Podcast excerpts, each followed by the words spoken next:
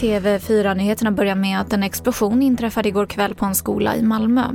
Under natten så har skolan undersökts av bombtekniker.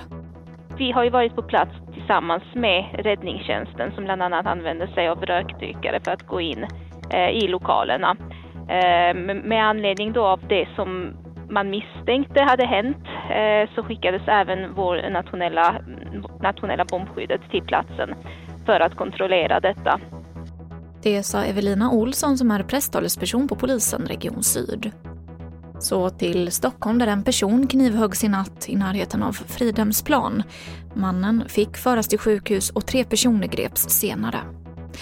Och till sist kan vi berätta att elpriserna i södra Sverige är nu historiskt höga och de kan stiga ännu mer. Det här rapporterar SVT om. Eftersom kärnkraft och värmeverk har lagts ner i södra Sverige så har man blivit mer beroende av import. Detta enligt driftchefen på statliga Svenska kraftnät. Fler nyheter hittar du i vår app TV4 Nyheterna. Jag heter Emily Olsson.